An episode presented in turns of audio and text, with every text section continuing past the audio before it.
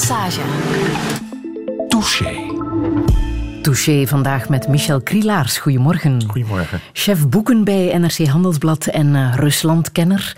Dan uh, kunnen Touché-luisteraars al weten dat het uh, twee uur interessant zal worden. Of tenminste, dat, daar ben ik nu al van overtuigd.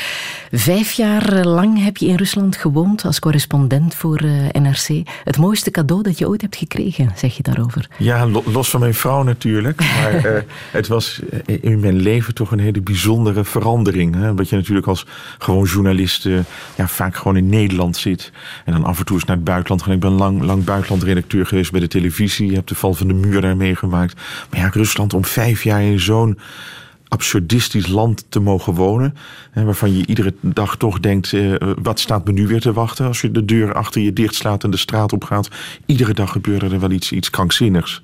Dus het, het was vijf jaar lang, uh, ja, Years of Living Dangerously, zoals een beroemde film heet. En met de 2K in het vooruitzicht, um, ga jij voetbal kijken? Uh, heel af en toe. Ik ben helemaal geen groot voetballiefhebber. Maar ik vind als het spannend wordt, wil ik die wedstrijden toch wel zien. En ik wil vooral zien hoe die Russen er een prachtig showplaatje van, uh, van gaan maken. Want ik keek gisteravond naar de Russische televisie in het hotel hier in Brussel. En daar zag ik uh, Rostov aan de Don, een stadje aan in het zuiden van Rusland, vlakbij de Zwarte Zee. En daar zag ik toch dat die stad, die ken ik. Ik ben daar een paar dagen geweest. En het was toch alles was er kapot, oud, lelijk en stuk. En nu is het een soort Efteling geworden. Alles is er heel mooi opgeschilderd. De straten zijn mooi aangekleed. Uh, overal staan vrolijke Russen om de, de voetbalsupporters als helden uit het buitenland te ontvangen. Na jouw periode in uh, Rusland ben je chef boeken geworden bij NRC. Lijkt me ook wel een uh, behoorlijk cadeau, hè? Ja, nee, het is, het is een, een van de mooiste banen die ik als grote lezer en, en, en liefhebber van de, de literaire kritiek me kan wensen. Het is, ja. het is een heerlijk bestaan. Het is juist omdat je het, na jarenlang waarin je alleen maar achter het nieuws aanloopt en op reis bent in een land, dan komt de verdieping. Je gaat gewoon zitten. En je moet natuurlijk ook een krantje maken, want je hebt een eigen bijlage. Maar dat is natuurlijk ook heel leuk. En de volgorde en toch een beetje de recensies koppelen aan de actualiteit. En het lezen is natuurlijk uh, bijzonder. En ik bespreek meestal boeken over Oost-Europa en Rusland en uh, Duitse geschiedenis. Ook een liefde van me. Dus ik ben alleen maar bezig om dieper het verleden in te duiken. En dat gebruik ik dan weer om zelf boeken te schrijven. Over Rusland natuurlijk. Over Rusland, hè? Ja. Hoe kan het ook anders? Het meest bekende is waarschijnlijk het brilletje van Tsjechov. Daar heb je ook een belangrijke prijs mee gewonnen. De Bob den Uil-prijs ondertussen. Uh, drie jaar geleden, daar gaan we het zo meteen nog uh, over hebben.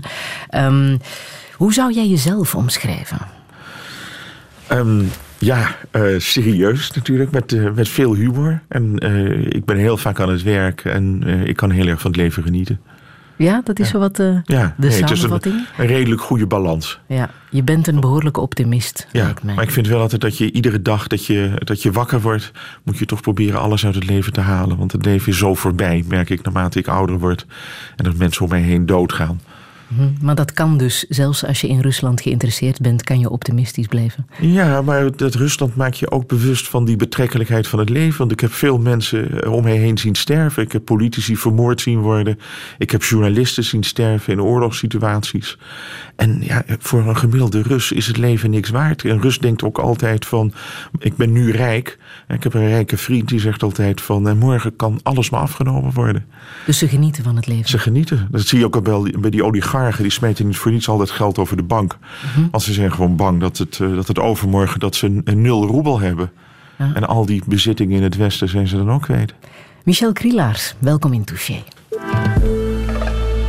Radio 1. 1. Friedel Lassage.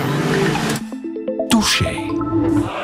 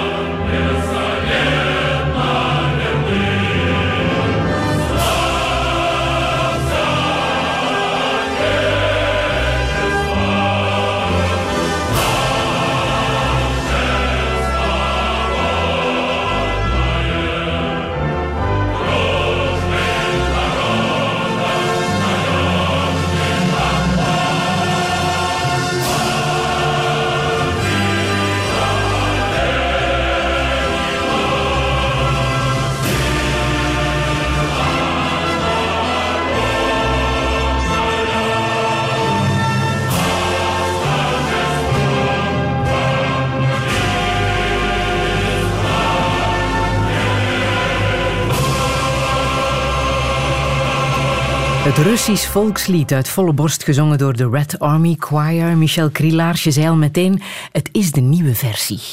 Het is ook de nieuwe versie. Maar er zijn drie versies. Drie versies. Ja, het is in 1944 werd de eerste versie uh, uh, geschreven, de tekst, door Sergei Michalkov, de vader van de beroemde filmer Nikita Michalkov. En dat was een hele partijgetrouwe uh, kinderboekenschrijver. Die ook voorzitter was van de Schrijversbond. Hij heeft heel veel kwaaie dingen gedaan. Pasternak onderdrukt, Solzhenitsyn uh, in de steek gelaten. En die schreef echt het, de tekst uh, op de overwinningen van Stalin. De Tweede Wereldoorlog, Stalin, onze grote leider, die mm. ons de overwinning heeft bezorgd. Toen kreeg je, uh, na de dood van Stalin, in 1956, uh, een nieuwe versie. Want Stalin moest er natuurlijk uit. Want Stalin had 40 miljoen mensen laten vermoorden. Dus die, uh, die was besmet geraakt. Toen is dat eruit gegaan. De Brezhnev-versie kreeg je toen. Dus na, het, uh, na 64, 65. En daar gaat het eigenlijk alleen maar over het communisme. Over de heil die het communisme heeft gebracht aan Rusland. En toen kwam de Poetin-versie. En de Poetin-versie, daar kan het communisme natuurlijk ook niet meer in. En daar gaat het alleen maar over het vaderland. Het prachtige vaderland. Dat uitgestrekte land van Brezhnev Brest-Litovsk tot aan Vladivostok. En dat mooie land en ons patriot, patriotisme. En dit zingt elke Rus uh, blind mee? Dat denk ik niet. Want nee, die is niet? natuurlijk die drie versies. Ik denk de oudere Rus kent die communistische versie. Ja. Ja. De nog oudere Rus de Stalin-versie. En de meeste jonge Russen die je kent, die kennen de tekst helemaal niet. Ja, en de voetbalploeg zelf? Zullen die meezingen, denk je? Mm, ik denk het niet, eerlijk nee? gezegd. Nee, een beetje zoals de Belgen. Ja, die luisteren ja, melodie, ook naar het volkslied in plaats van natuurlijk. te zingen. Ja. Ja, uh, maar hoe populair is voetbal eigenlijk in uh, Rusland? Nee, Ru Rusland is natuurlijk geen voetballand, het is een ijshockeyland. Ja. En je ziet ook als Poetin een beetje probeert mee te doen met de sport, gaat hij, neemt hij ijshockeylessen. Het is natuurlijk het is de winter. Ja, en schaatsen kun je er niet, want daar zijn die winters te, te streng voor. Dus je hebt niet die mooie, wat wij in Nederland hebben, die slootjes die bevriezen. En je hebt meren waar de wind over waait, er zijn wakken. Dus je moet het hebben van een ijshockeybaan. En die is uh, ja, in een zaaltje vaak. Ze hebben toch wel een uh, Russische voetbalploeg. Ja, wat moeten is, we daar ik, dan van ik verwachten? Ik ken een Nederlandse uh, hulpcoach van het Russische damesvoetbalteam. En, en, de man van haar was, was een assistent van Dick Advocaat, Nederlandse trainer van de Petersburgse voetbalteam. En die zei altijd: ze kunnen niet individueel spelen. En bij voetbal moet je toch individueel denken. Het is een, die samenleving is heel militaristisch gestructureerd. Dus men kijkt altijd naar wat de aanvoerder doet. Dus men is niet gewend om zelfstandig een beslissing te nemen. Dat zie je in de bureaucratie in Rusland. Iedere minister siddert altijd als hij bij Poetin op uh, mm-hmm. belet uh, moet komen. Dan zie je Poetin aan een groot bureau zitten. En dan staat er een klein bureautje loodrecht op. Daar zit die minister dan aan. En die krijgt dan een soort uh, ja, een, een, bestraffende toespraak. Van waarom is het nog altijd zo slecht gesteld met de economie? Of met de gezondheidszorg? En dan zie je die minister heel nederig ja, ja, ja knikken. De Russische voetbalploeg moet niemand vrezen waarschijnlijk, maar uh, hoe zit het met die neonazi-hooligans uh, waar nu al over geschreven wordt? Moeten we die vrezen? Ja, dat, kijk, die zijn er wel. Maar dat wordt natuurlijk altijd heel erg opgeklopt. We ja. hebben ze gezien bij eerdere grote sportwedstrijden in het Westen. Toen kwamen er echt relschoppers er wordt van gezegd dat die dan werden aangestuurd door de Russische overheid. Daar kun je ook je twijfels bij hebben. Maar uh, ze zijn er, maar ik denk dat de veiligheidsmaatregelen enorm zijn. En er is een, uh, een hele strenge oproerpolitie. Die zien eruit als een soort robots die er stevig op losrammen met de knuppel. Ik denk dat die, dat die zich wel uh, in zullen houden. En het is natuurlijk een hele slechte reclame voor Rusland als men dit zou toelaten. Mm. Dus ik denk dat, dat, dat er weinig van te merken zal zijn. De Rode Duivels gaan naar het WK, Nederland niet. Doet dat pijn voor jou? Nou ja, het is ook wel heel jammer, want dat is voor mij een, nog een reden minder om te kijken. Kijk, als Nederland ver komt, wil ik dat toch altijd wel meemaken. Ik vind die halve finales toch altijd wel heel erg spannend. Je gaat ja. toch een beetje supporteren voor de Rode Duivels? Het zal wel moeten, ja. Het ja, is het taalgebied. Hè? Nu, uh, hier uh, is het al behoorlijk uh, de spuigaten aan het uitlopen. TV-presentator Tom Waas heeft ook een eigen of onofficieel WK-lied gemaakt en is daarmee afgelopen week op de Russische televisie beland. Um, ik wil twee zinnen uit dat lied laten horen. Dwa, dwa vodka spasiba. Dwa, dwa wodka spasiba. Touché. Ja, twee zinnen. Het zijn drie woorden. Dwa, vodka, spasiba, zingt hij. Ja. Ja, jij kijkt al een beetje bedenkelijk. Ja, nou ja, kijk die twee vodka vooruit. Maar spasiba, het is pasiba. He, spasiba, dat zou geen, eh, bij wijze spreken geen Rus kunnen verstaan. Spasiba. En dat betekent... Nee. Dankjewel. Dankjewel. Ja. Vind je het erg dat hij het zo fout zingt? Nee, nee. Het is zouden, maar goed de Russen, zouden de Russen daar toch een beetje kunnen om lachen? Ja, ik weet het niet. Het is een beetje hoempa-hoempa-melodie, hè? Dus het is, eh, dat past wel heel erg bij de Russische cultuur. Ja, het is ook een clipje met uh, een, een, beer die erin ja. verschijnt. Alle clichés op een hoopje. Zijn ze daar een beetje bestand ja, tegen? Nou ja, als het nog niet heel erg, uh, heel erg negatief is, dan kan het er denk ik wel mee door. Kijk, Russen hebben een enorm gevoel voor humor. Beledigen hun vaderland niet. En, uh, maar dat kost ook wel even tijd. Ze hebben in ieder geval humor en ze houden ook al van een, van een wodkaatje. Dus uh, ik denk dat het erdoor dan, komt. Meer dan twee waarschijnlijk. Ik denk dat, ja, een fles. Dat Ja, is gebruikelijk. dat als is je wat, Russen, eh, in een Moskous restaurant zit, dan zou ik als ik daar met een vriend of vriendin zit, een fles wijn drinken op een avond. Dat is toch al behoorlijk wat. Maar in Rus drinkt gewoon, eh, dan drinken ze toch iedere fles wodka. Ja.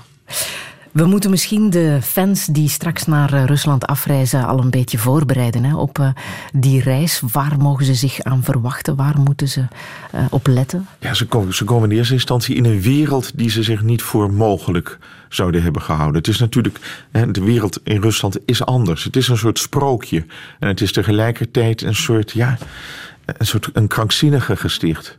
Dus je komt in een wereld waar je komt in Petersburg en Moskou. Dat zijn natuurlijk steden die, die, die je niet voor mogelijk houdt. Met enorme alleeën, uh, uh, forten van uh, gebouwen. Dat Kremlin en het Rode Plein is natuurlijk zeer indrukwekkend. Petersburg is een één groot paleis. Uh, het is allemaal heel erg mooi opgeknapt. En die centra van die steden zijn uh, de afgelopen tien jaar, dankzij de olieinkomsten, in de beginjaren van Poetin enorm opgeschilderd. Dan kom je in de buitenwijken en dan is het armoede. Mm -hmm. Maar daar kom je niet als voetbalsupporter. Je komt alleen maar in dat centrum. Maar net als hier sta je er ook in de file. Hè? Je staat er heel erg in de file. Want Daar uh, moet je toch wel in rekening Moskou mee houden als je de wedstrijd wil halen. 4 denk miljoen auto's, 24 uur per dag rond. Op de 15 miljoen inwoners. Ja, maar ook vooral heel slechte wegen. Slechte wegen buiten de grote steden. Mhm. je, je rijdt Moskou nog niet uit of je zit in kleine wegen vol gaten en kuilen. En zeker in de diepe provincie, daar ben je aan het zigzaggen.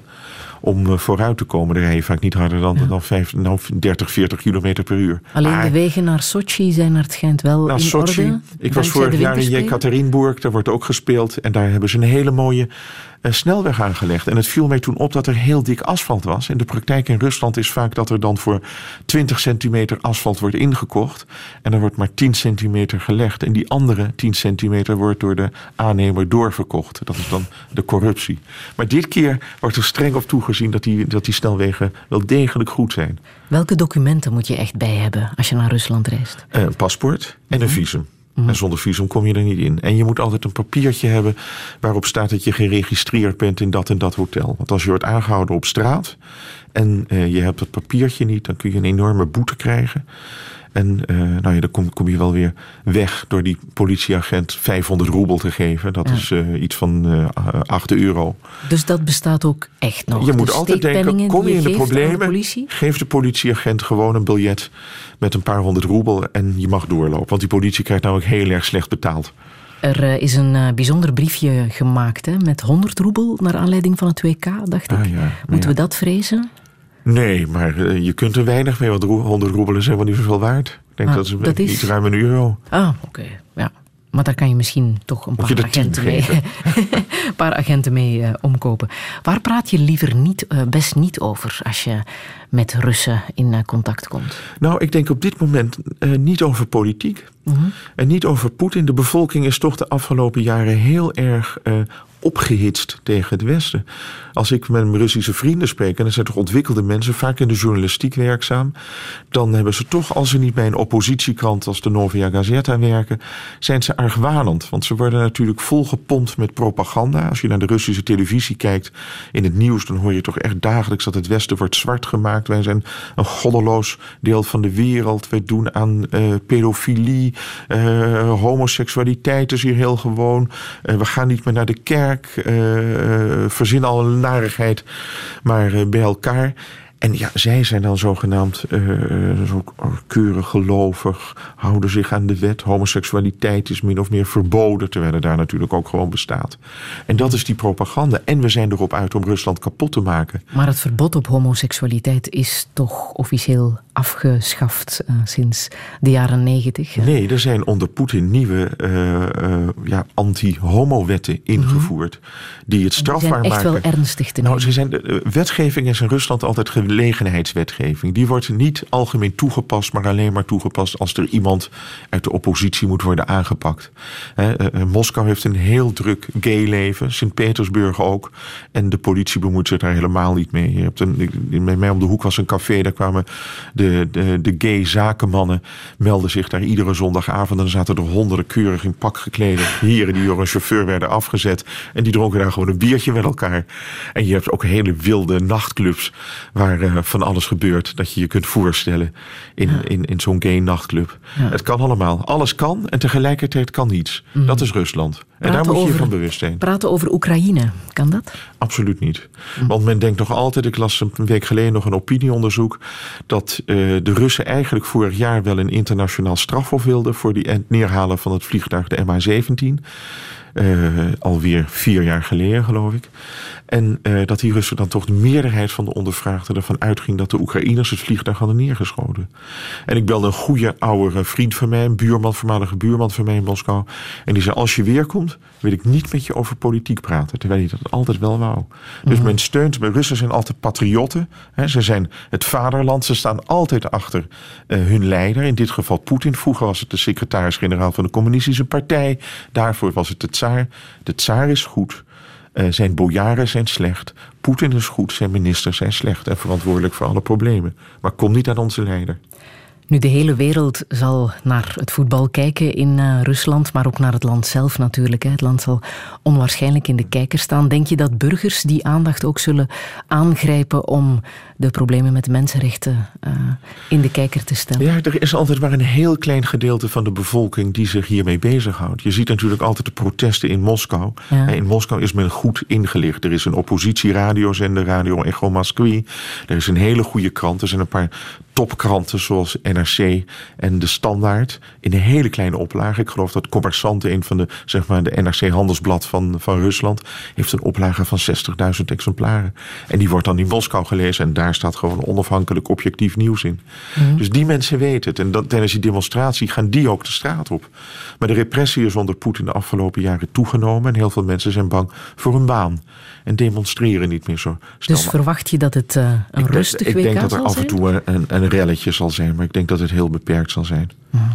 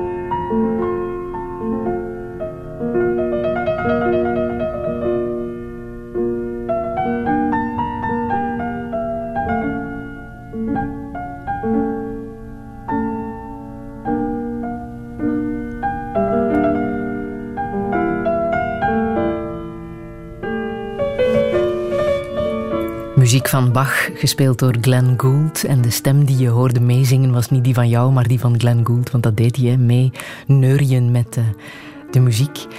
Michel Krielaars, wat betekent deze muziek eh, voor jou?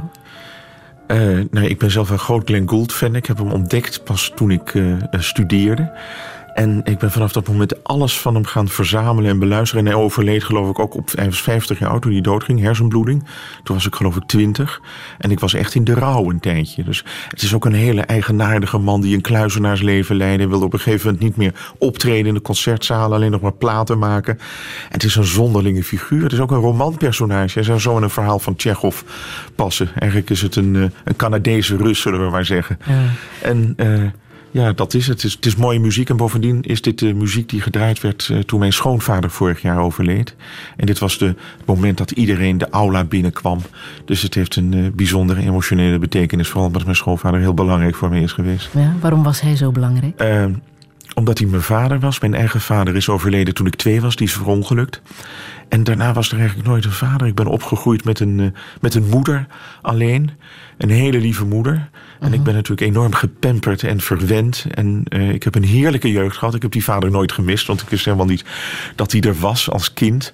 Maar je komt op een gegeven moment als je in de puberteit raakt... en later dan heb je behoefte aan een uh, oudere, wijze man met wie je kunt praten. En dat was hij, want ik ben al sinds mijn 25ste kwam hij in mijn leven. En hij zette me, als ik dreigde te ontsporen...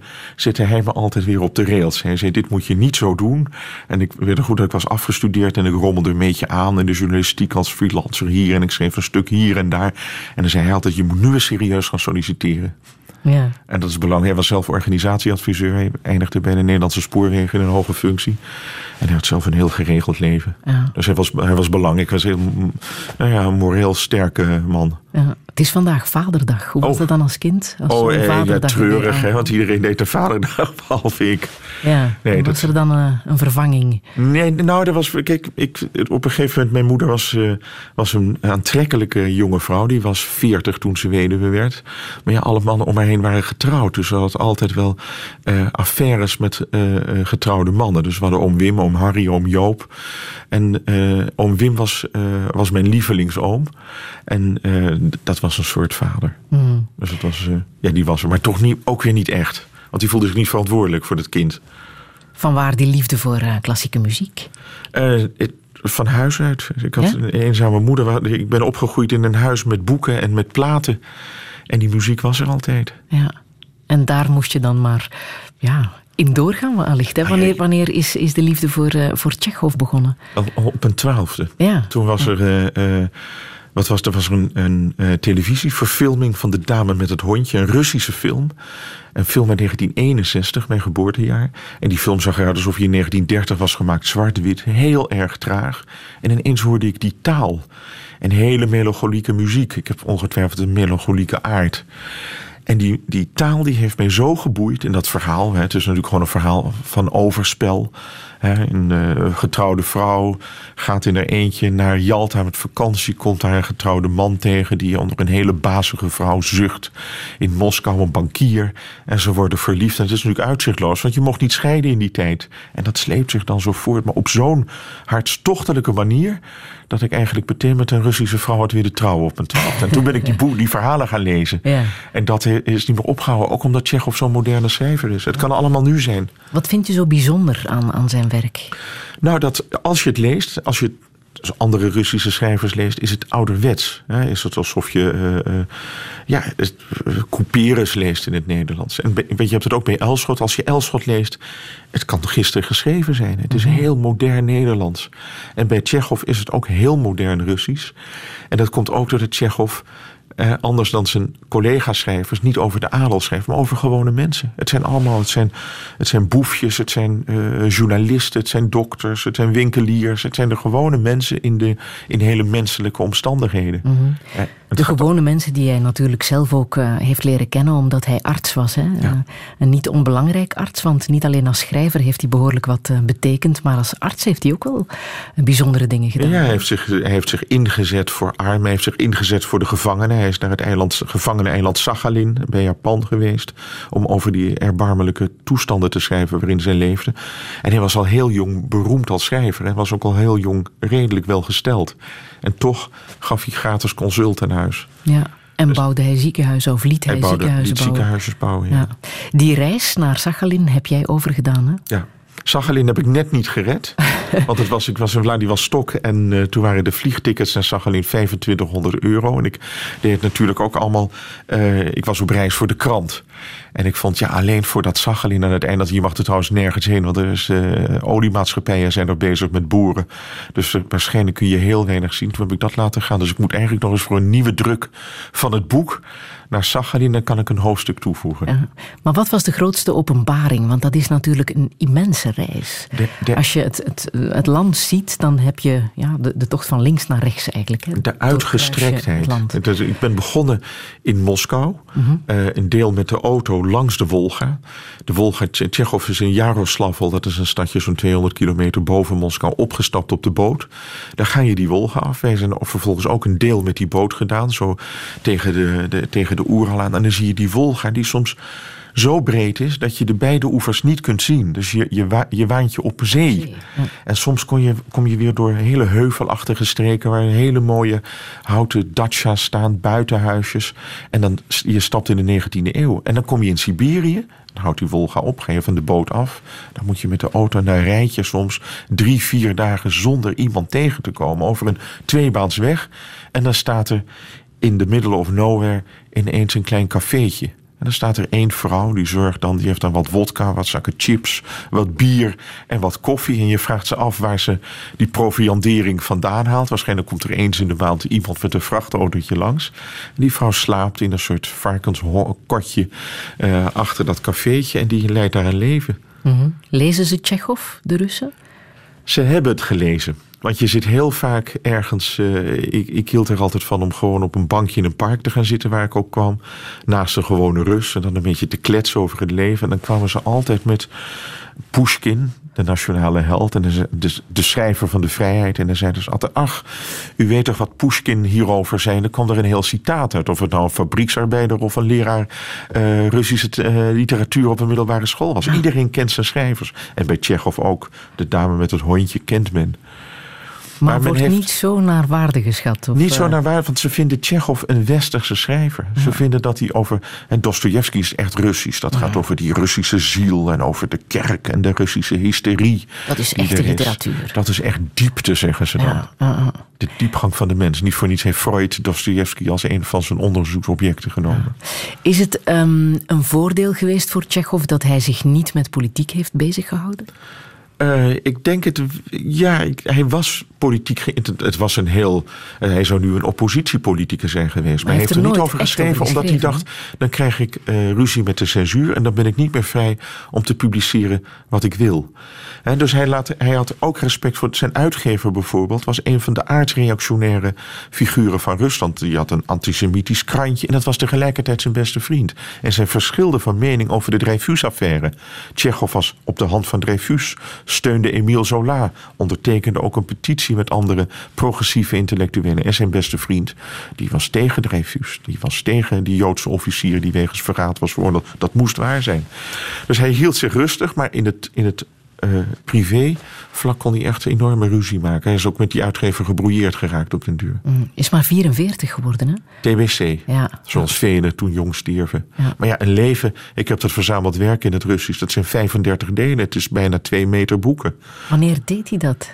De hele dag door. Ik denk, het is altijd een krankzinnige situatie uit een familie. Vijf broers en zussen. Een vader die uh, voortdurend mislukt, een kruidenier. Maar die raakte steeds failliet en had hij weer baantjes her en der. En toen hij eenmaal was afgestudeerd als arts, huurde hij een appartement in het centrum van Moskou. En die hele familie trok bij hem in. En die vader voerde de, hele dag toneelstukjes op. Of ging dan weer een zangkoortje uit familieleden dirigeren. Dus het, hij verkeerde in een soort theater. En hij zat tussendoor te schrijven. Ja.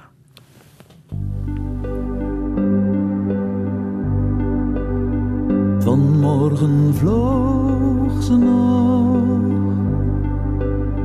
zo onbelemmerd en gracieus. En zo verheven, zo'n sierlijk wezentje. Het was geschapen om te zweven, niet om te sterven door een zinloos stukje lood uit het geweer van een paar lompe idioten, die zachte veertjes stuk geschoten, dood. Vanmorgen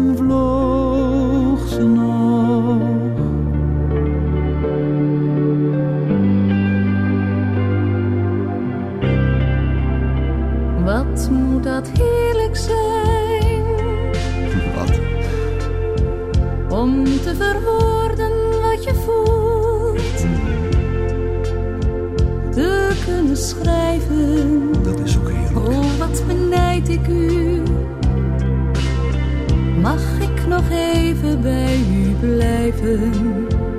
Wat mij betreft blijft u bij mij vanaf vandaag. Ik zou de allermooiste boeken voor u schrijven. En ook gedichten.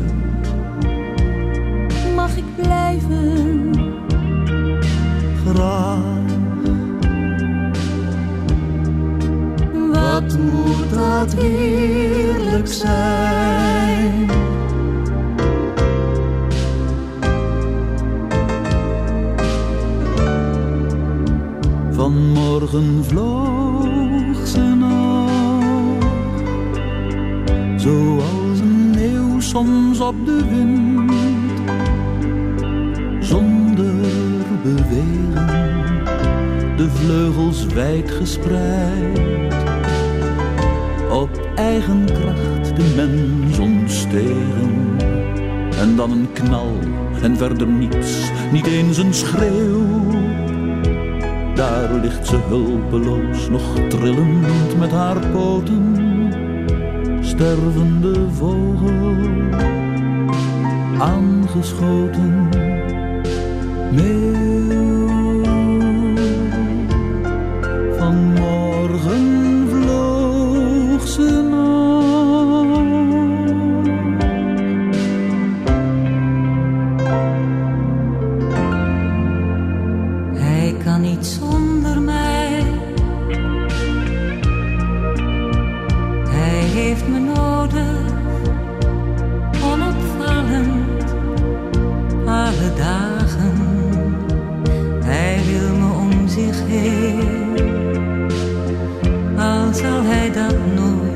vragen.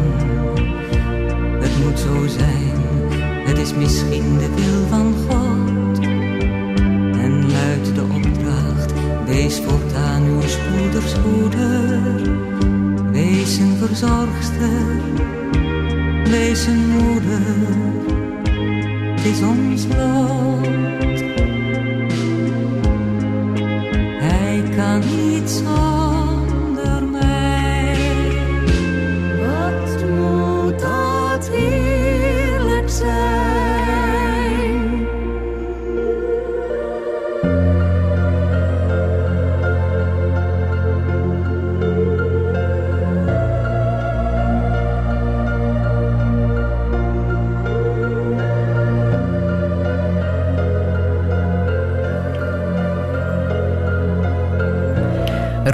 En Simone Kleinsma met Vanmorgen vloog ze nog. Het is dat nummer uit eh, de musical Chekhov, die lang heeft gespeeld in Nederland. eh, jaren 80, 90 was dat denk ik, Michel Krielaars. Ik weet niet of je de musical zelf... Ik heb hem niet live gezien. Ik heb fragmenten gezien eh, in een programma van Robert Long. Ja, Ja, maar mooie dit, liedjes. ja, dit was op zich al bijzonder natuurlijk, hè, om een musical te maken naar aanleiding van het leven van, van Chekhov. Nou ja, vanwege die TBC en die, die, die vroege dood natuurlijk. Ja, genoeg verhaal natuurlijk. Eh, de Nobelprijs eh, heeft hij nooit gewonnen, hè, Anton Chekhov. Nee, maar die was er volgens mij toen nog net niet. Nee, hè? Maar alhoewel, ja, hij had vier jaar de tijd kunnen hebben, denk ik. Aha. 1904 1900? gestorven. Ja. De Nobelprijs 1900? bestaat sinds 1901, dacht ik, of 1900. Ja. Wat verhalen, Net hè? was te weinig, denk ik. Maar Rusland heeft wel zes Nobelprijswinnaars literatuur eh, gehad. Daar heb je eentje van mogen ontmoeten. Hè? Eh Svetlana Alexievich. Ja. Een heel bijzondere vrouw. Ik, zei, ik zei ook, uh, denk aan zeg altijd maar van het was alsof God op aarde was uh, neergedaald. Ik vond het zo'n soort bijna een orakelachtige vrouw die op een Tsjechoviaanse wijze tegelijkertijd met haar beide benen op de grond stond. Dus ze was enerzijds heel aards en tegelijkertijd had ze iets heel filosofisch. En ze heeft dat prachtige boek geschreven, Het einde van de Rode Mens, waarin ze zo'n duizend Russen heeft geïnterviewd over uh, het einde van de Sovjet-Unie in 1991 en de chaos die daarop volgde.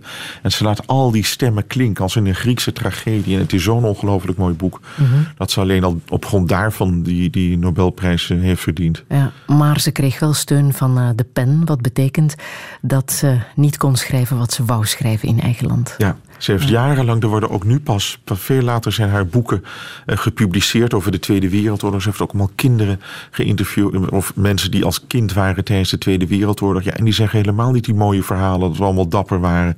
Uh, ook verhalen over hoe uh, de Russen zelf zich misdroegen. En hoe gruwelijk de Duitsers tekeer gingen. En die dorpen, hoe de Russen in de steek werden gelaten door hun leiders. Mm. In die zin is uh, die andere Nobelprijswinnaar, Solzhenitsyn, ook een uh, bijzondere naam natuurlijk. Hè? Ja, maar die, die, die was uh, toch ook al tegelijkertijd weer het land uit. Het is ook, we hebben twee dissidente schrijvers gehad, Pasternak en Solzhenitsyn. Pasternak moest hem afwijzen. Die kreeg hem voor zijn dokter Zhivago.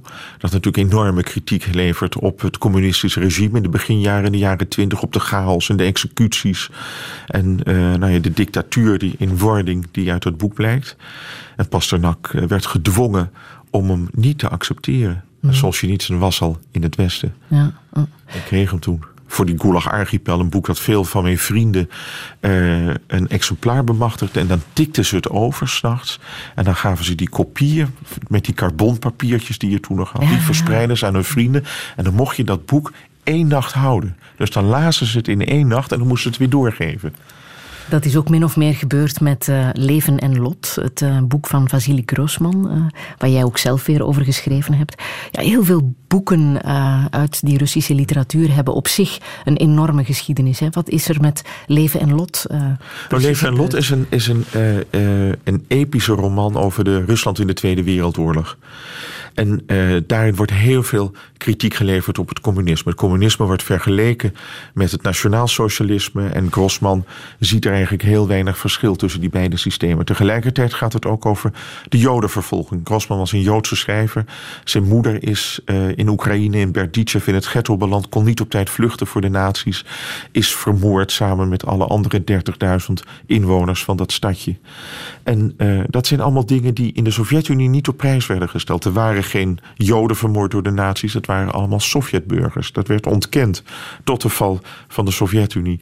Tegelijkertijd gaat het ook over die repressie van Stalin. En het gaat over het buigen van uh, Russische burgers voor de terreur. Dat is mensen dus iets doen waar ze eigenlijk niet achter staan. De hoofdpersoon in die roman is een professor Stroem, een kernfysicus. Die werkt aan de ontwikkeling van de uh, Russische atoombom.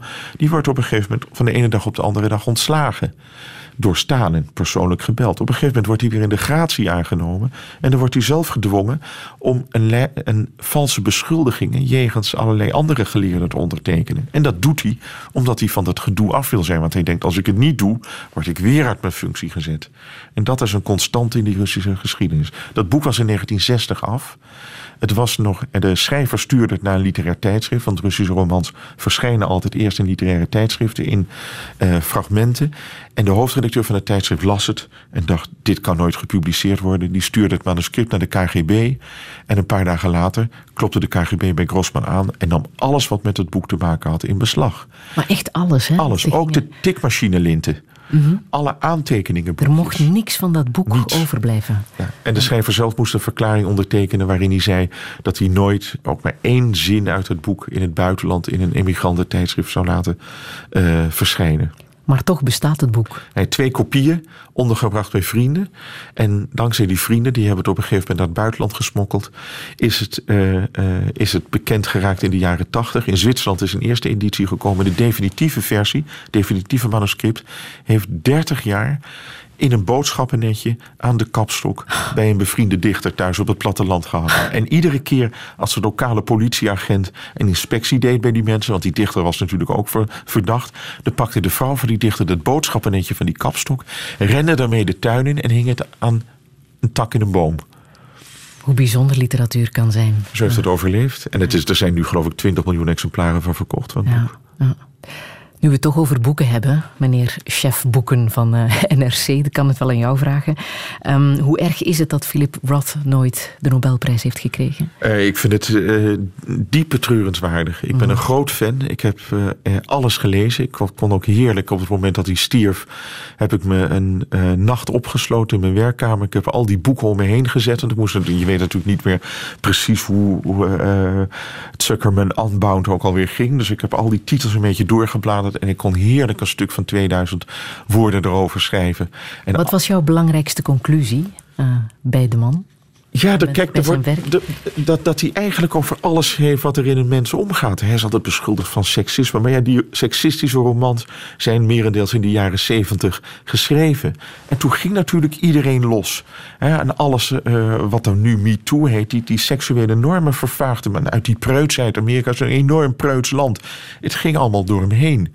En hij dacht allemaal, het is toch de schrijver die verplaatst zich in mensen. En denkt allemaal van, uh, ja, wat zou ik in deze situatie hebben gedaan. Ik wil met die vrouw naar bed. En, dat en die seks zit er natuurlijk heel erg in. Maar in die latere boeken is die seks helemaal niet zo aanwezig. Dat is gewoon een heel mooi portret van Amerika. In al zijn al zijn rare uh, elementen. En dat heeft hij toch prachtig gedaan. En ik vind die eerste romans ook heel erg mooi. Tussenstuk de jaren zeventig vind ik vaak niet zo af. Maar als oeuvre is het geweldig. Het is mhm. gewoon de geschiedenis. Hij zei ook altijd: Ik ben geen Joodse schrijver. Ik ben een Amerikaanse schrijver. En toevallig schrijf ik over de mensen in mijn omgeving, in mijn jeugd. En dat waren allemaal Joden. Want hij groeide op in een Joods voorstadje van New York, Newark. Ja, en daar hoefde maar uit het raam te kijken of hij zag zijn personages voor zich. Is het toeval dat je wel ja, misschien uh, bijzonder geïnteresseerd bent in schrijvers met een Joodse achtergrond. Niet alleen Philip Roth, maar ook uh, Vasily Grossman en Isaac Babel bijvoorbeeld. Ja, het is, het is deels toeval, maar aan de andere kant ben ik uh, opgegroeid in een, uh, in een heel Joodse wereld. Ik, uh, ik, mijn, mijn voogd was mijn Joodse oom Abraham Lopez Cardozo, die in een concentratiekamp had gezeten, die een kind had verloren dat vergast was. En die mij als zijn, uh, ik was het surrogaatkind ja. voor hem. En hij heeft mij toch wel heel erg in die wereld gebracht. Ik ben opgegroeid in een buurt in Amsterdam waar heel veel Joodse overlevenden van de Tweede Wereldoorlog woonden. Ik ben met een Joodse vrouw getrouwd, wier familie ook behoorlijk heeft geleden in de oorlog. En eh, het is deel van mijzelf. Amsterdam was natuurlijk voor de oorlog een Joodse stad. Mm -hmm. En ja, daardoor is de, de interesse voor die Joodse schrijvers ook aanwezig hoor, zeker.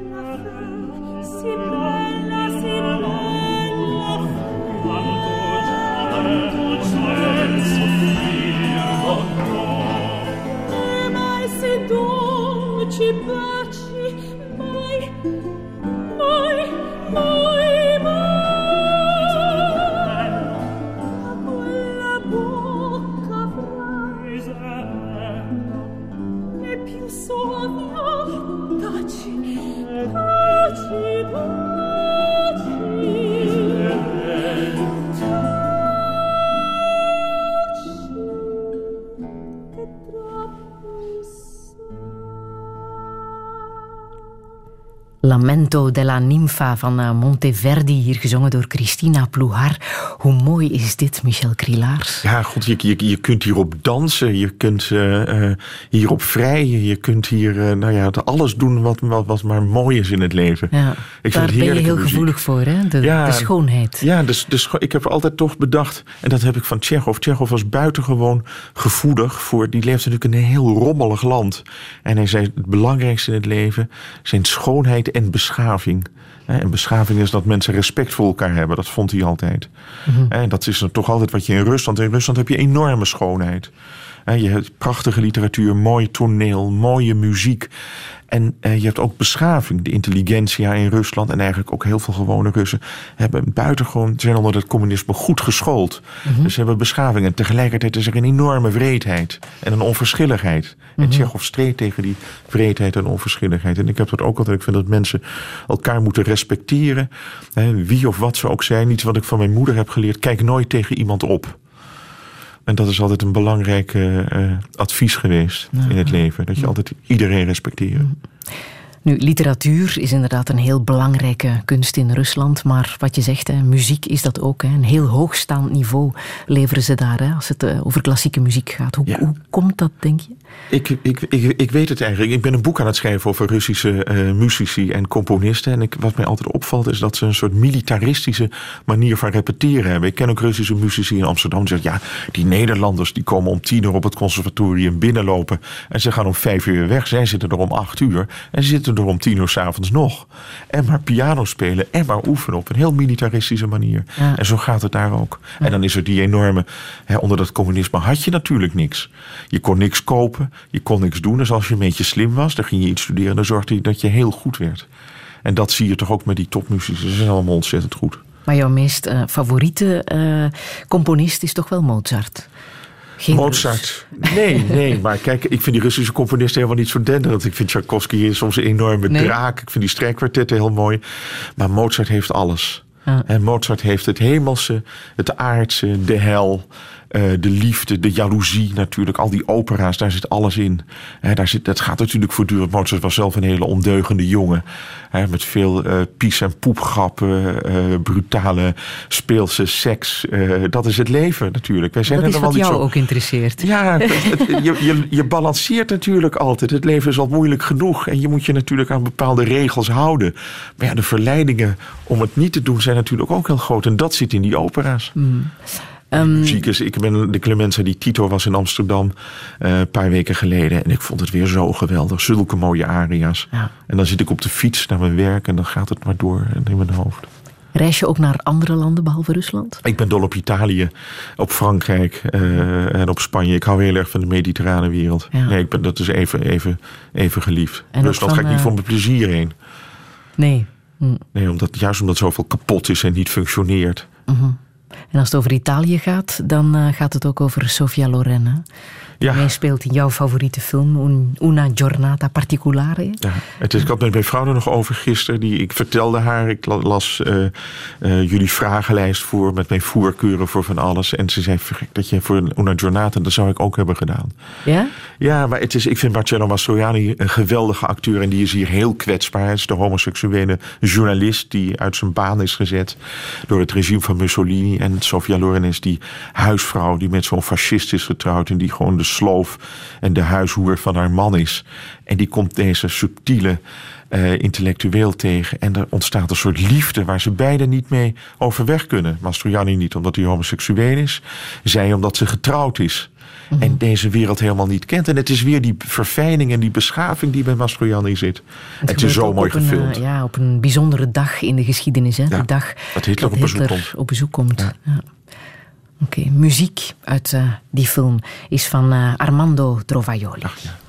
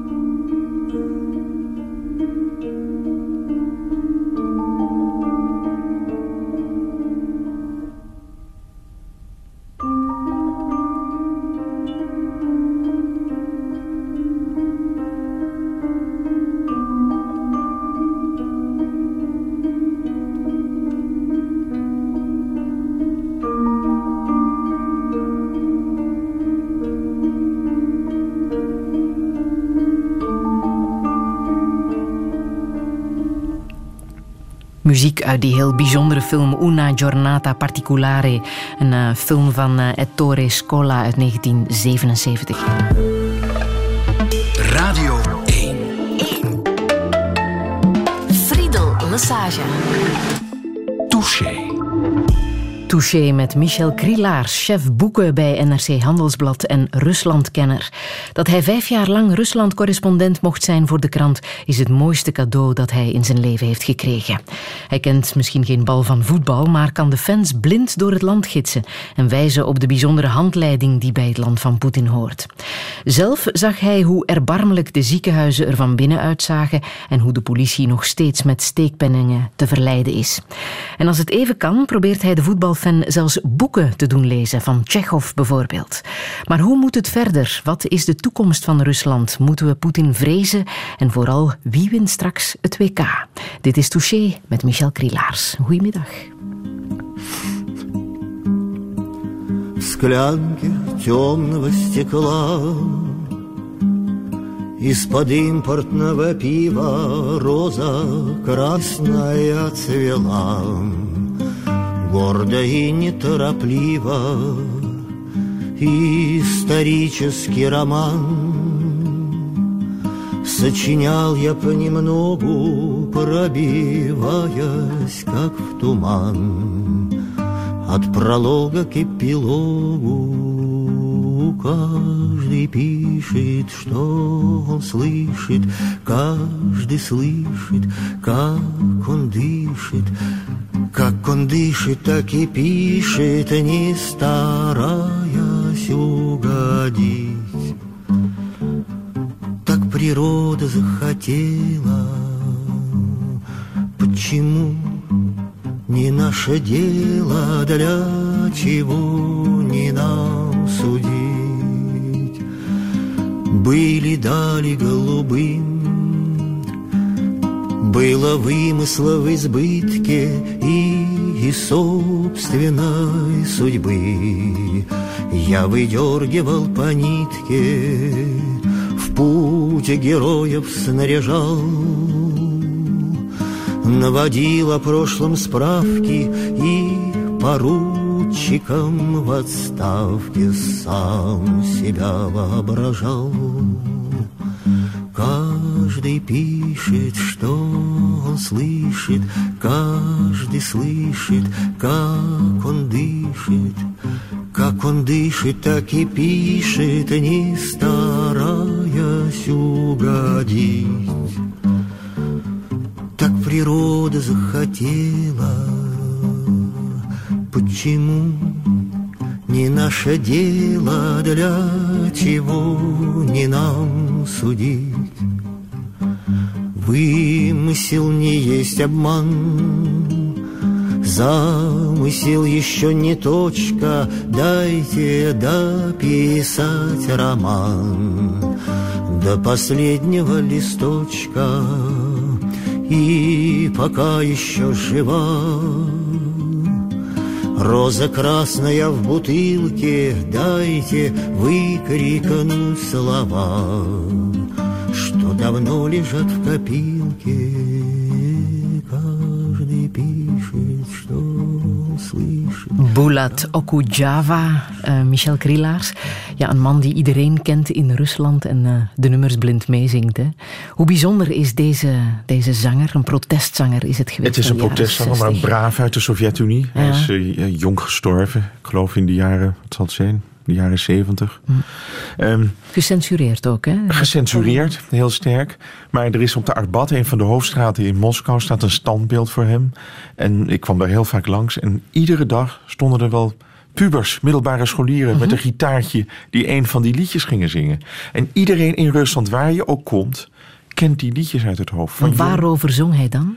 Over het dagelijks leven. Dit gaat, ik hoor hier van alles gekleurd, uh, gekleurd glas, een historische roman. We nemen een borreltje, we doen dit.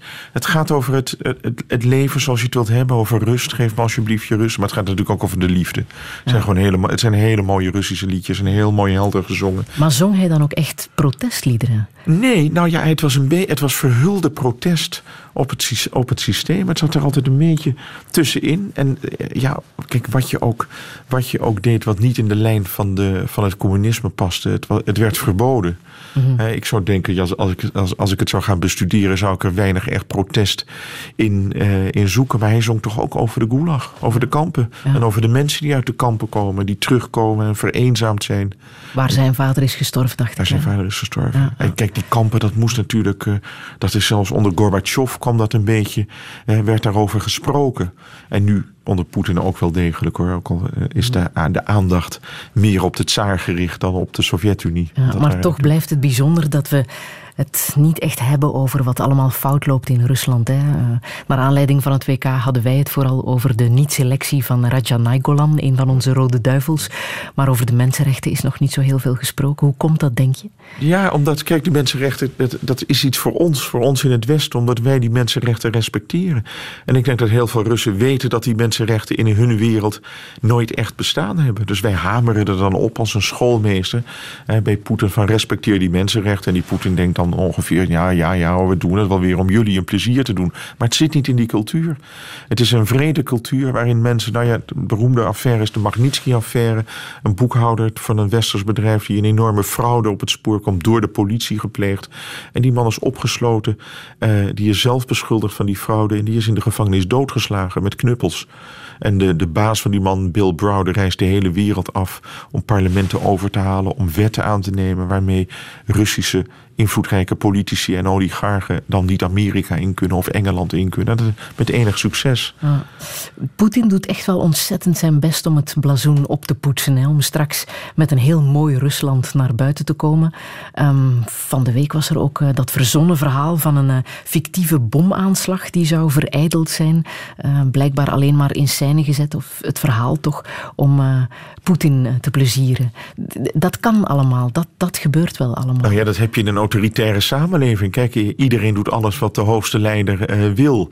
En die hoogste leider wil natuurlijk vooral als de vader des vaderlands overkomen. Van ik zal jullie altijd beschermen. Ik heb, ik heb controle over alles. Iedere politieagent luistert naar mij, is op zoek naar uh, terroristen. En uh, zolang ik hier zit gaat het goed. Hè? Poetin heeft diverse keren gezegd in het begin van zijn termijn... wacht maar tot, tot wie er na mij komt. Dan wordt het allemaal nog veel erger als hij werd gekritiseerd door het Westen. Is dat wat de Russen zelf ook denken? Nou, ik denk dat uh, de, de, veel gewone Russen die ik heb gesproken in mijn jaar als correspondent, die zeiden: laat hem nou maar zitten. Want als hij opstapt, komt er een nieuwe bende aan de macht. En dan beginnen ze weer met het leegover van de staatskas. En er zijn natuurlijk ook mensen die geloven inderdaad dat hij als enige goed is. En dat de dieven zijn minister zijn. Maar ja, daar is hij toch verantwoordelijk voor, voor die ministers. Wat dacht jij toen bekend raakte dat uh, het WK in Rusland uh, zou plaatsvinden? Denk je dat daar geld mee gemoeid is geweest? Ik denk het wel. Zo gaat het altijd. Dat was ook met die Olympische Spelen. Er wordt natuurlijk, uh, die, die organisaties zijn natuurlijk ook corrupt. Ik denk dat ze het echt gekocht hebben. En het is natuurlijk enorm prestigeverhogend. Je ziet ook alles wat er gebeurt in Rusland op dit moment. Uh, dat gebeurt om, om het Westen te behagen. Uh, Poetin heeft sinds die MH17-catastrofe uh, en de annexatie van de Krim te maken met enorme zware economische sancties. De economie wil maar niet groeien. De economische groei vorig jaar was 1%, terwijl de olieprijs het afgelopen jaar is verdubbeld. Dus het gaat heel erg slecht. Het land bevindt zich in recessie. De lonen die zijn al vrij laag, zeker buiten Moskou en Petersburg. Die zijn niets meer waard. Mensen klagen. Dus Poetin is voortdurend bezig om het Westen weer te paaien en te hopen dat die sancties worden opgeheven. En je ziet al die geluiden in Duitsland. zijn politieke partijen die willen een eind aan de sancties maken. Italië helemaal een voorbeeld. Die willen gewoon weer uh, dikke vrienden worden met, uh, met Rusland. Dus hij heeft wel op een zekere hoogte succes. Maar ja, de Europese Unie vormt een eenheid. Dus het zal niet zo snel gebeuren. Trump wil er ook vanaf, mm -hmm. in feite kritiek hebben op uh, Poetin uh, is ook al behoorlijk uh, onmogelijk. Hè? Alleen al dat verhaal van de journalist Batchen, Babchenko.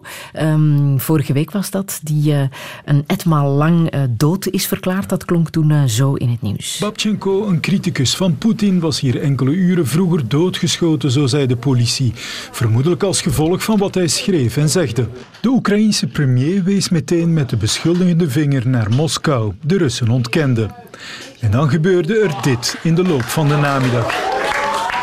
Op een persconferentie van de Oekraïnse staatsveiligheid verschijnt Babchenko in levende lijven. De hele zaak was opgezet door de Veiligheidsdienst, omdat er wel degelijk een moord was beraamd door de Russen, zo klinkt het hier. Touché.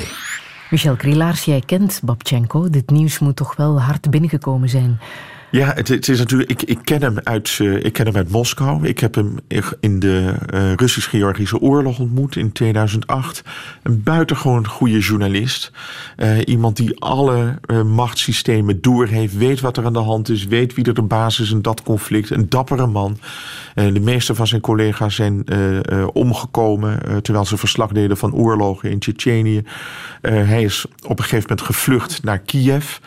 Uh, volgens mij toen hij uh, had getwitterd dat het Alexandrov legerkoer, legerkapel was neergestort bij Syrië. Waarschijnlijk als gevolg van een aanslag. Toen had hij gezegd, moeten ze maar niet daar dat, in het oorlogsgebied die Russische troepen die daar de hele dag bommen gooien, gaan toezingen. En dat is hem kwalijk genomen, want het waren natuurlijk allemaal hele brave muzici. Daar kun je je iets mm -hmm. mee voorstellen, die woede.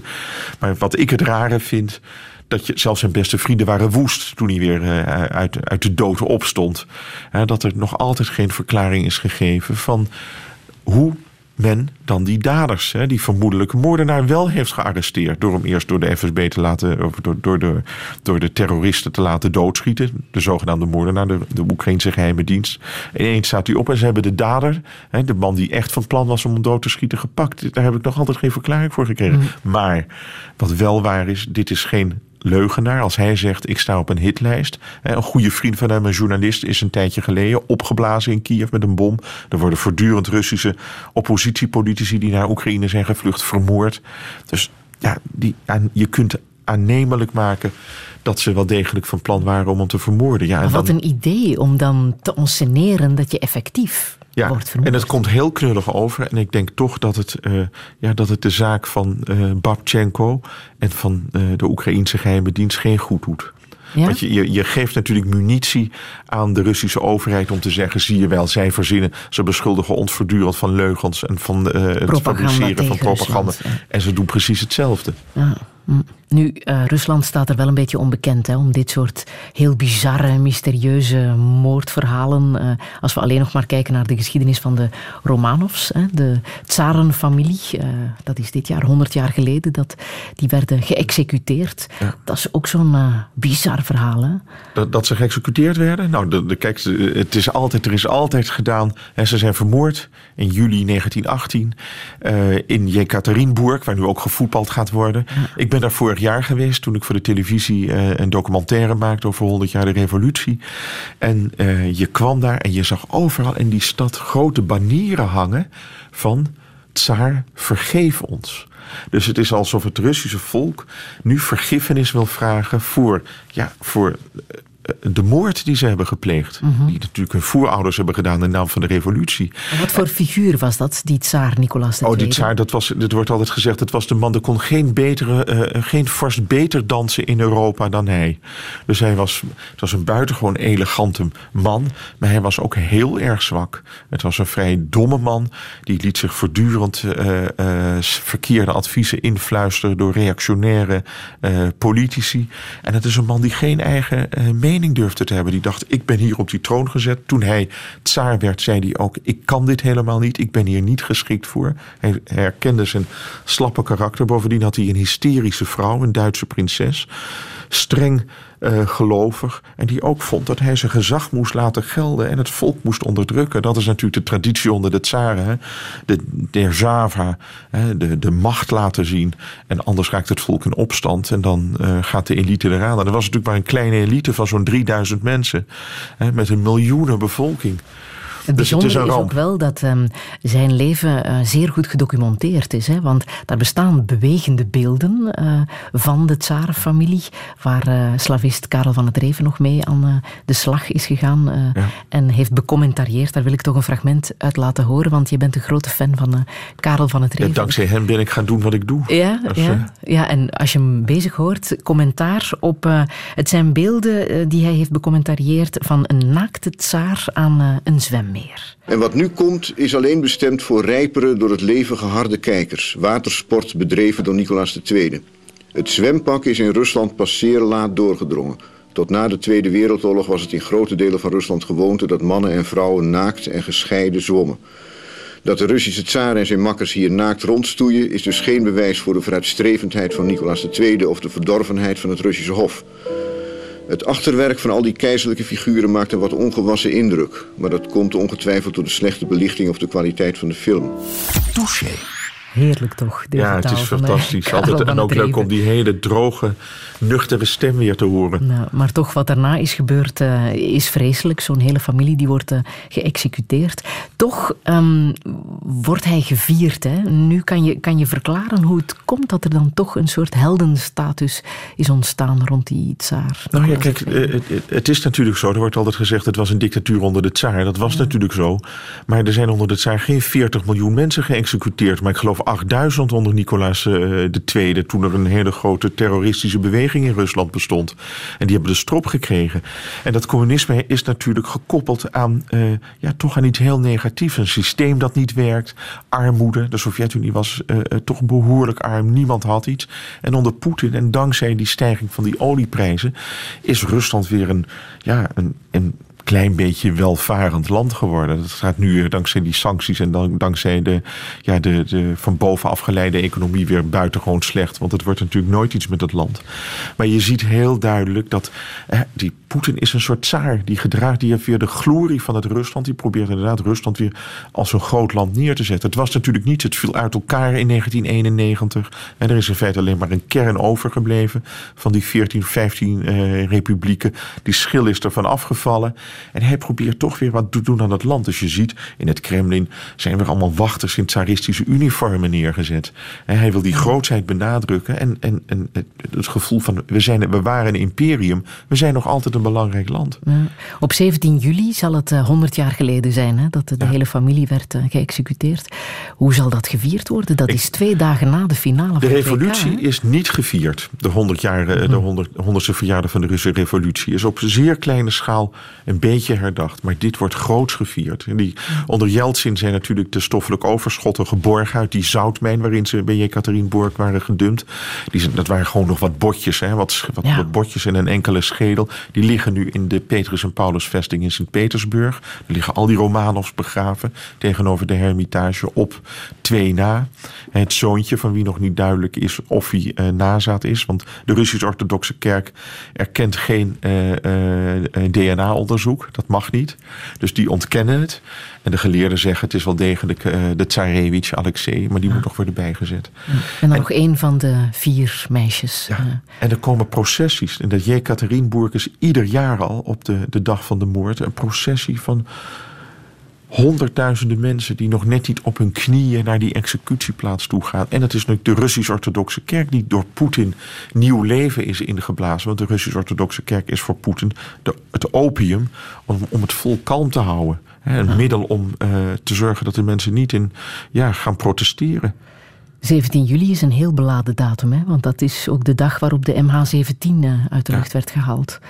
Uh, iets wat jij ook op de voet volgt natuurlijk. Ja, kijk, ik, ze blijven ontkennen. Ze blijven ontkennen. En dat is natuurlijk heel erg, dat hoort bij de Russische politiek. Dat is, iets, dat is gewoon traditie bij wijze van spreken. Ik denk als je naar de 19e eeuw gaat, dat ze ook voor allerlei rampen ontkenden dat hè, de regering daarvoor verantwoordelijk was.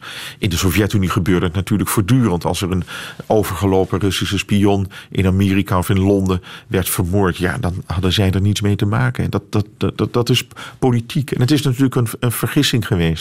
En men dacht, we gaan een uh, Oekraïns legervliegtuig uit de lucht halen.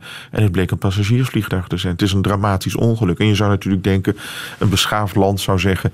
we betalen schadevergoeding. We zeggen, het is een ongeluk geweest. Maar dan zou Poetin ook toegeven dat ze met troepen in Oost-Oekraïne aan het vechten zijn. En dat zij die poekraket hebben geleverd. Want het JIT-rapport, het onderzoeksrapport, heeft aangetoond waar het vandaan komt. De 53e luchtafweerdivisie uit Koersk, een Russische stad. Russische officieren hebben dat ding bediend. Want die rebellen kunnen er helemaal niet meer omgaan. Dat zijn gewoon Russische officieren geweest. Hmm. En je hoort ook al die afgeluisterde gesprekken. Misschien waren ze een beetje dronken. Hebben ze niet goed gekeken. Dat hoort natuurlijk ook bij zo'n chaotisch leger. In een, eh, in een chaotische oorlog. Wat het is daar in Oost-Oekraïne.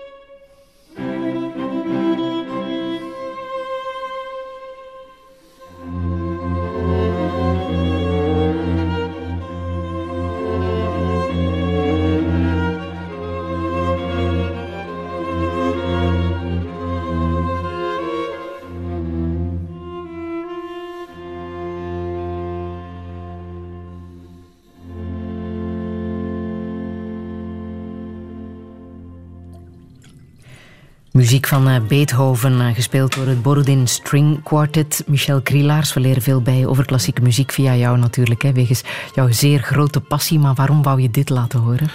Op de aan dat het Borodin kwartet een Russisch kwartet is. Een van de beroemdste. En ook dat in de loop der jaren voortdurend van samenstelling is gewisseld. Want onder Stalin werden ook kwartetleden eruit gegooid. Omdat het Joden waren. Of omdat ze niet partijgetrouw waren. Dus het is, er zit een fascinerende geschiedenis van de Sovjet-Unie vast aan dit kwartet. En ik heb het heel vaak in Nederland gehoord. En ik heb het één keer in Moskou gehoord. En dan kregen ze natuurlijk helemaal niets betaald. Zaten ze in een achterafzaaltje van het conservatorium. En ze speelden buitengewoon ongeïnspireerd. En eh, nou, op al die plaatopnames, het is een van de beste kwartetten, of het was een van de beste kwartetten ter wereld. En zeker als ze Beethoven spelen, in, in die muziek, die kwartetten van Beethoven, zit alles wat klassieke muziek goed maakt. Het is net zoals bij Mozart. Mhm. Terwijl ik niet van die symfonieën van Beethoven hou. Heb je die vijf jaar dat je correspondent was eh, voor NRC in Rusland eh, gevreesd voor jouw leven? Heb nooit, jij ooit nooit. schrik gehad? Nee, je bent als buitenlands correspondent. Kijk, ah, het is niet zo gevaarlijk. Ik voel me in Moskou midden in de nacht, als ik uit het café kwam om vier uur s ochtends, voel ik me veiliger dan in het centrum van Amsterdam. Er is natuurlijk heel veel politie op de been. je hebt als buitenlands correspondent toch een soort diplomatieke status. Je hebt een kaart en als je die laat zien, schrikt toch iedereen terug. Uh, ik ben één keer op de Caucasus op weg naar uh, Tsjetsjenië aangehouden. En toen waren er allemaal troepenbewegingen. En toen heeft men iets gevonden in dat registratiebewijs... waarin stond in welke straat ik in Moskou woonde. Toen heeft men geprobeerd met land uit te gooien. Maar dat toen heb je toch wel even Dat vond ik heel eng. Ik zat ja. toen s'nachts op een uh, hotel. Ik moest blijven. Ik, ik had s'avonds en was ik voor de rechter gekomen. Een hele vriendelijke man die niet wist waar Nederland lag. En uh, die ook vroeg wat ik daar nou kwam doen. Die zei, waarom gaat u niet in de Elbroes, onze berg, om een mooi stuk over toerisme schrijven. Ik moest de, de volgende dag was uitspraak. Ik zat s'nachts in een hotel.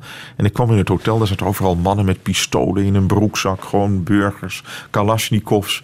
En toen zei een van die mensen, ja, god, het is laatst een Japanse correspondent ook overkomen. Die is s'nachts uit zijn kamer gesleept en invalide geslagen op straat door onbekenden.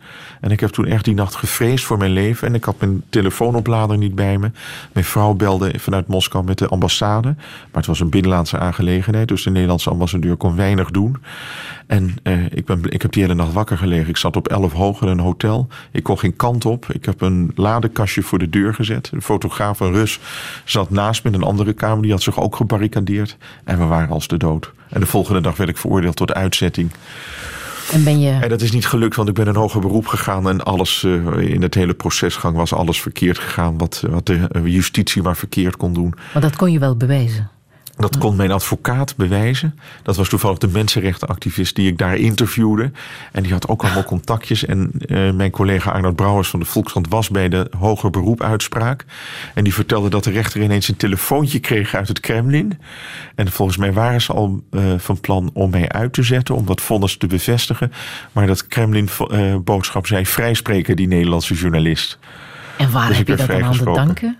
Uh, het schijnt dat de Nederlandse, toenmalige Nederlandse premier Balkenende heeft gebeld met Poetin. Die zou voor een handelsmissie komen.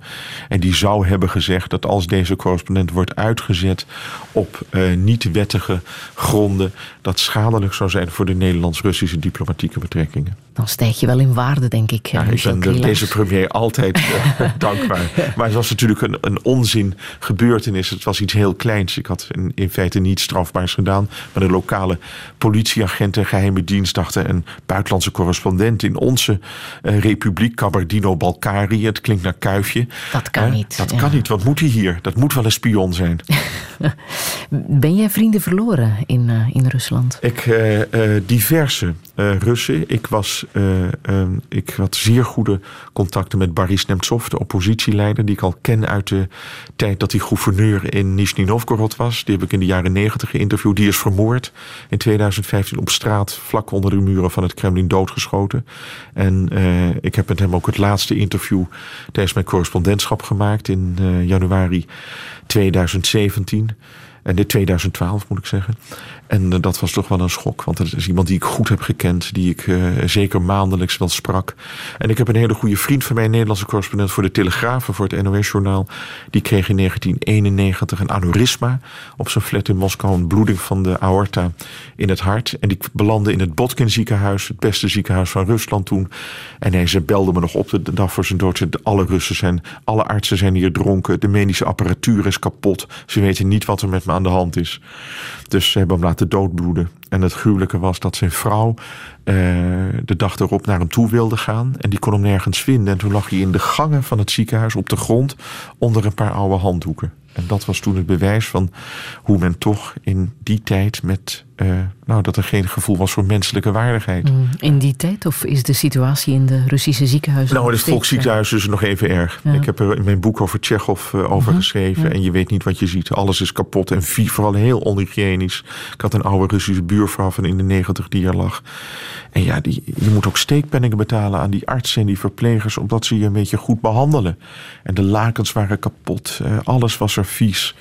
En ik dacht, oh, hier moet daar je niet betalen mensen steekpenningen aan ja, omdat, kijk, de arts krijgt heel weinig betaald. Een vriend van mij is directeur van een uh, directeur van een kinderziekenhuis. Die verdiende 1000 dollar per maand. En dat zal nu 500 dollar per maand zijn. Dus die moet toch om een beetje rond te kunnen komen. In Moskou, de boodschappen zijn er uh, vier keer zo duur uh, als bij uh, Dalaise. Of bij ons bij Albert Heijn. Mhm. Dus je moet gewoon geld hebben. Moskou is een krankzinnig dure stad. Wat doe je het best als je iets aan de hand hebt en naar het ziekenhuis moet in Rusland? Nou ja, kijk, voor, voor mij was het European Medical Center. En daar ging je dan s ochtends, als je dan eens iets had waarvan je dacht, ik maak me toch zorgen over mijn maag. Ja, en dan betaalde je voor een, eh, voor een, eh, een, een, een allergietest 800 dollar. Terwijl diezelfde test hier in Brussel 60 eh, euro kost. Oh. Dus daar wordt fix betaald. En daar ben je dan voor verzekerd als westerling. En dan zit je dan in de zaal met allemaal rijke Russen. En diplomaten en westerse zakenmannen. Dus wij zitten goed. Maar je moet niet op dienstreis zijn in de diepe provincie en je been breken. Want het wordt gewoon verkeerd gezet. En je loopt de rest van je leven mank. Ben jij bang voor de dood? Uh, sinds Rusland niet meer. ik ben drie keer bijna omgekomen in Tsjetsjen. Ik ben in de Georgisch-Russische oorlog bijna geëxecuteerd.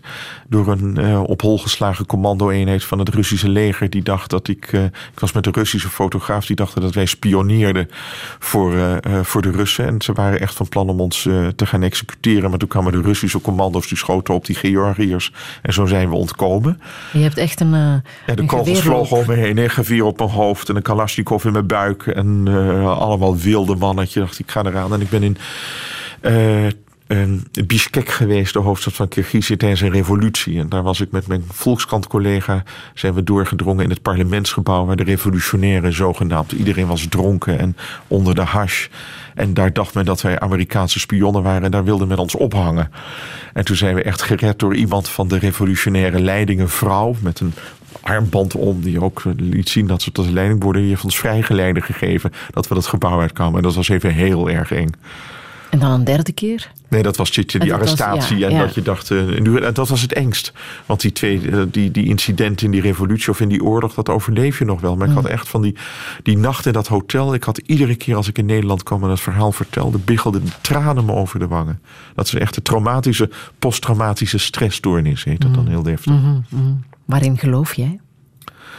Uh, niet in God maar uh, in het goede van de mens. Want zelfs in de meest gevaarlijke situaties kom je dappere mensen tegen die je willen helpen. En ook in Rusland. Ik ken zoveel voortreffelijke Russen die niet bang zijn voor uh, de gevolgen van hun daden, die je mhm. helpen. Ben je gevoelig voor de Joodse traditie, omdat je daar zo aan verbonden bent door je vrouw? Nou ja, daar, daar zit natuurlijk altijd heel sterk in van uh, we moeten, hè, de Joden moeten elkaar helpen, anders overleven ze niet. Dan komt er weer een pogrom aan. Dus het is een, een, zeker fatsoen, hoewel ik met de kolonisten op de, de Joodse kolonisten op de Westbank, daar kom ik dat er ook niet tegen. Dat fanatisme, dat haat ik. Mhm. Altijd. Nee, maar gewoon het, het fatsoen wat natuurlijk in de, in de Torah en de Talmud staat. Respect voor het leven. Dat mhm. moet je hebben. Hoe kijk je dan naar wat aan het gebeuren is in de Gazastrook? Nou ja, kijk, ik zie het aan twee kanten. Ik, ik vind dat de regering Netanyahu wel heel erg uh, met scherp schiet. Maar er wordt altijd vergeten dat heel veel van die mensen in de Gazastrook. Hè, is, Israël heeft zich teruggetrokken. En uh, in 2005 of 2000, trok ze terug in 2005. En in 2007 begon men vanuit de Gazastrook Israël binnen te dringen. En ik denk dat heel veel van die Palestijnen worden opgejut door Hamas. Ik weet dat op in de Gazastrook voeren Hamas en IS een soort burgeroorlog met elkaar uit. En dat die Palestijnse leiders heel veel boter op hun hoofd hebben. En dat gaat ten koste van het bestaan van die gewone Palestijnen. Dus ik vind dat, dat je ook naar de andere kant van het verhaal moet kijken. Mhm. En niet alleen, je ziet natuurlijk heel veel zielige Palestijnen doodgeschoten worden. Maar die mensen worden volgens mij opgejut. Dus ik vind dat daar eh, het in de berichtgeving nogal eens aan schort.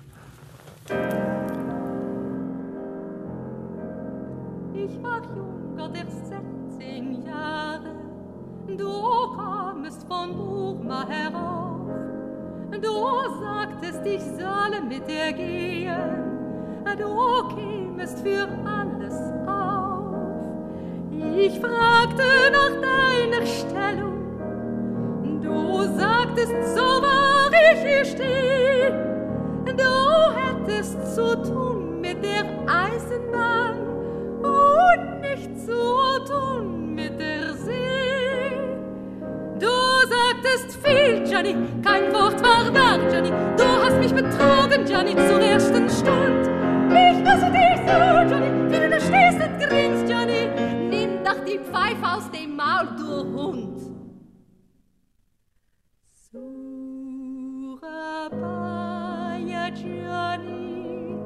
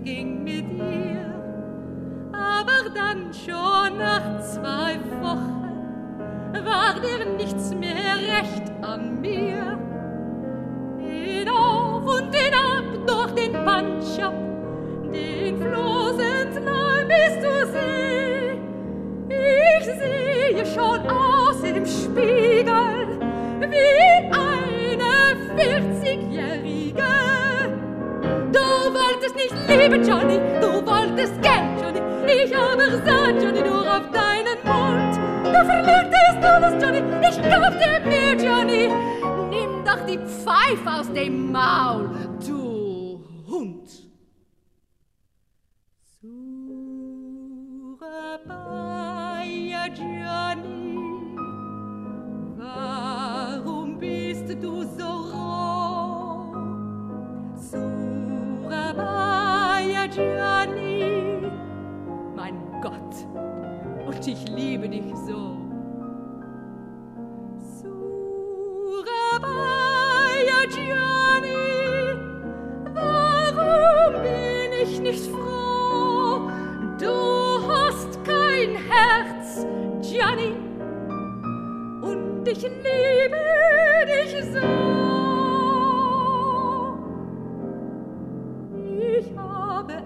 Nicht beachtet, warum du den Namen hast. Doch an der ganzen langen Küste warst du ein bekannter Gast. Eines Morgens in einem Sixpence-Bett wird dich donnern hören die See. Und du gehst ohne etwas zu sagen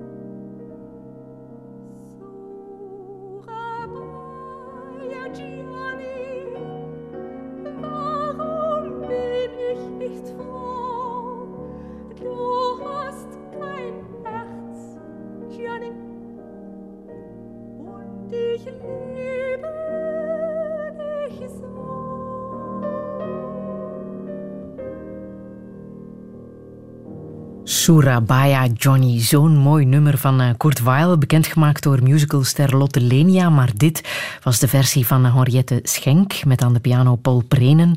Het is vooral de zangeres hè, die je even in de kijker wil zetten, Michel Al, al 30 jaar mee vooral. Wat doet ze dat fantastisch goed? Ja, we, we, hebben jarenlang een programma gehad met muziek van Kurt Weill.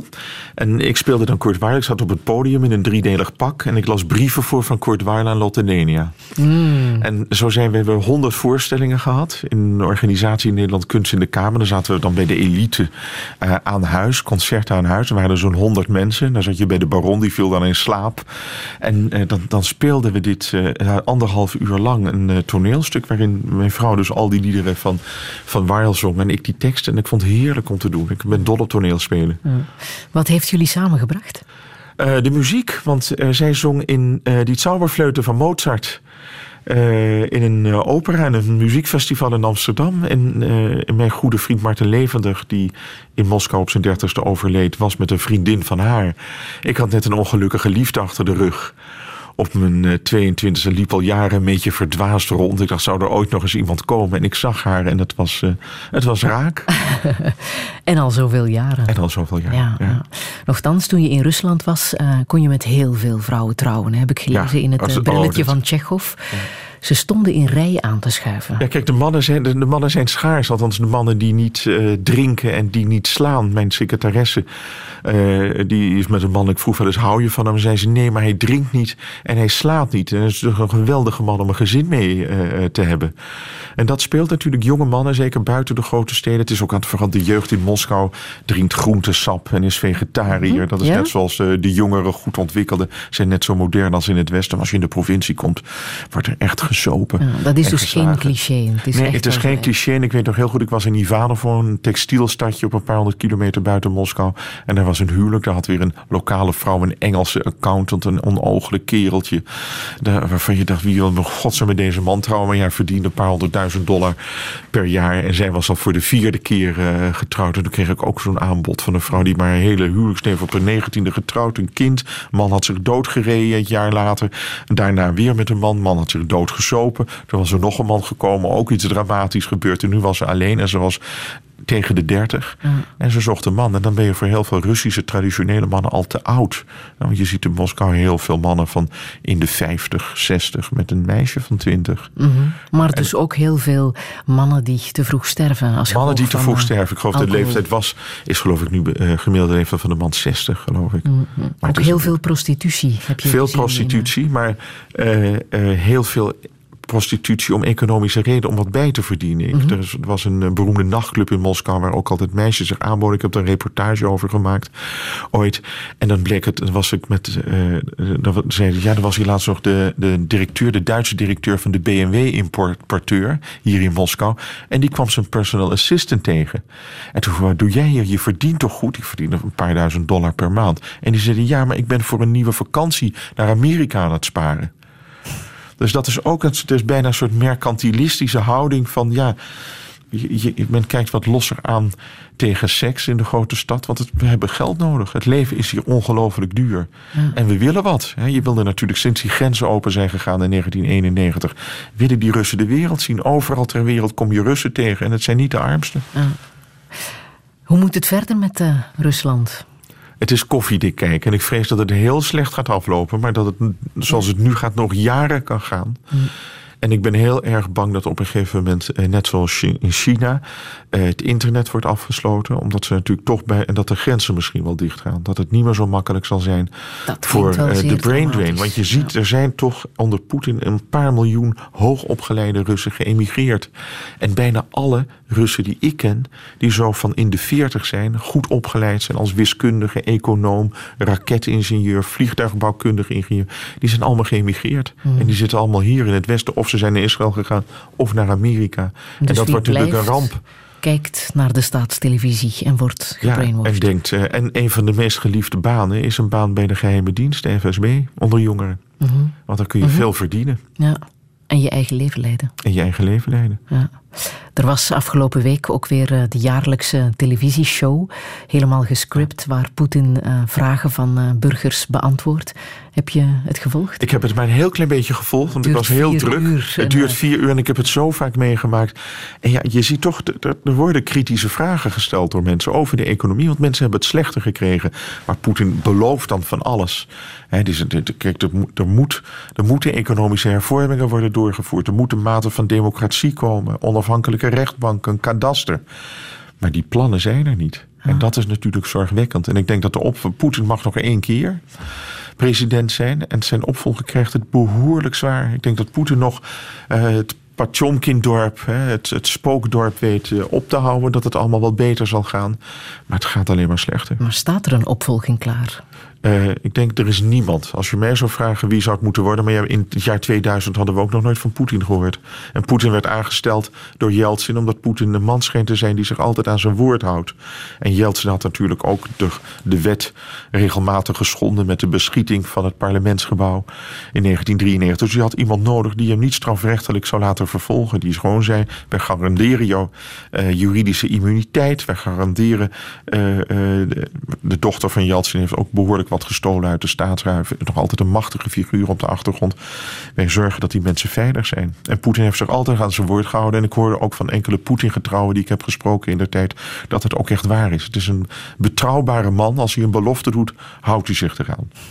Hij liegt tegen het Westen over die MH17. Hij liegt tegen het volk over de, de economische voorspoed die er niet is. Hij belooft gouden bergen, maar die bergen zijn er helaas niet. En dat is het zorgwekkende voor het land. En er zijn ook afscheidingsbewegingen. En je weet nooit wat er gaat gebeuren na het voetballen. Dat wordt heel spannend. Ik heb zelfs van iemand uit de zogenaamde Haute Finance onlangs gehoord... dat men rekening houdt met uh, een uh, oplaaien van de oorlog in Oekraïne. Misschien wel tot een terreinverbreiding van de, van de opstandelingen. Het kan alle kanten op. Maar ik denk niet dat Poetin een grote oorlog tegen het Westen gaat voeren. Dat wil hij niet. Dat is alleen maar in zijn nadeel. Poetin wil vriendjes met ons zijn. Wil, kan tegen de NAVO tekeer gaan. Hij gaat heus niet die Baltische landen binnenvallen. Niet in het belang van Rusland en niet in het belang van hemzelf. Je bent ondertussen 56? 56. Ja. Wat zou je echt nog willen in het leven? Uh, God, dat is, een, dat is een bijzondere vraag. Ik, ik, ik zou het niet weten. Ik maak genoeg.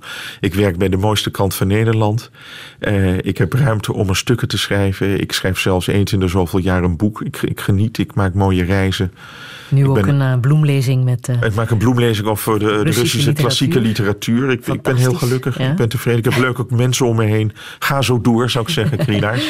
heb je nog een, een boodschap voor de luisteraars? een boodschap. Lees vooral mooie boeken. Hebben te maken met enorme ontlezing. Ik was gisteren uh, zat ik in de jury bij de wedstrijd Nederland vertaald, waar uh, gewone lezers kunnen vertalen uit het Frans, Duits, Engels, Spaans en Russisch. En Nelleke Noordervliet, een bekende schrijfster in Nederland, hield een toespraak waarin ze zei dat op middelbare scholen de grote klassiekers, zelfs Multatuli, onze 19e eeuwse held, niet meer wordt gelezen. En dat er zelfs sprake is van een behoorlijke verschaling van het Nederlands. En je kunt alleen maar dat Nederlands, wat toch een prachtige taal hoog houden door te lezen. Je moet lezen en als je leest, verrijk je je leven, want je stapt in andere werelden. Je maakt situaties mee die jij ook nog eens kunt meemaken waar je geen uh, uitweg uit kent. En dat kun je leren uit die boeken, dus lees. En laat je inspireren door langzullenwelezen.be. Dat is ons online platform waar mensen hun ervaringen met uh, hun boeken kunnen delen.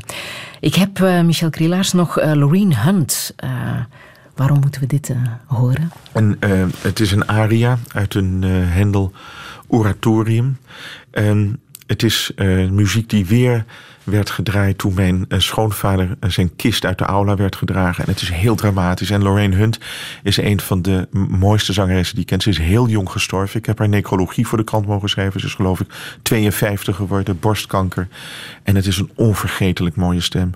En het is heel dramatisch als ik dit hoor. En het is gelukkig geen televisie dat ik dan misschien met enorme tranen achter deze microfoon ga zitten.